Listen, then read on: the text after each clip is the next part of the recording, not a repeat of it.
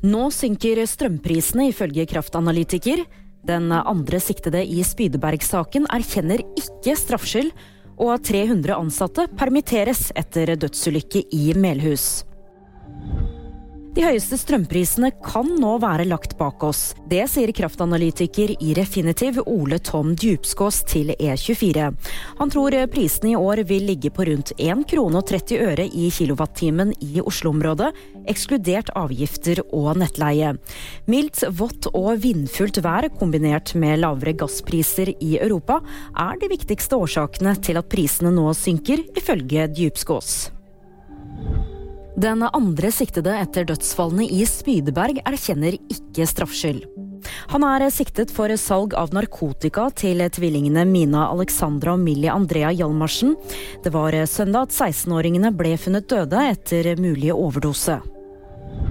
300 ansatte ved Melhustorget er permitterte, ifølge NRK.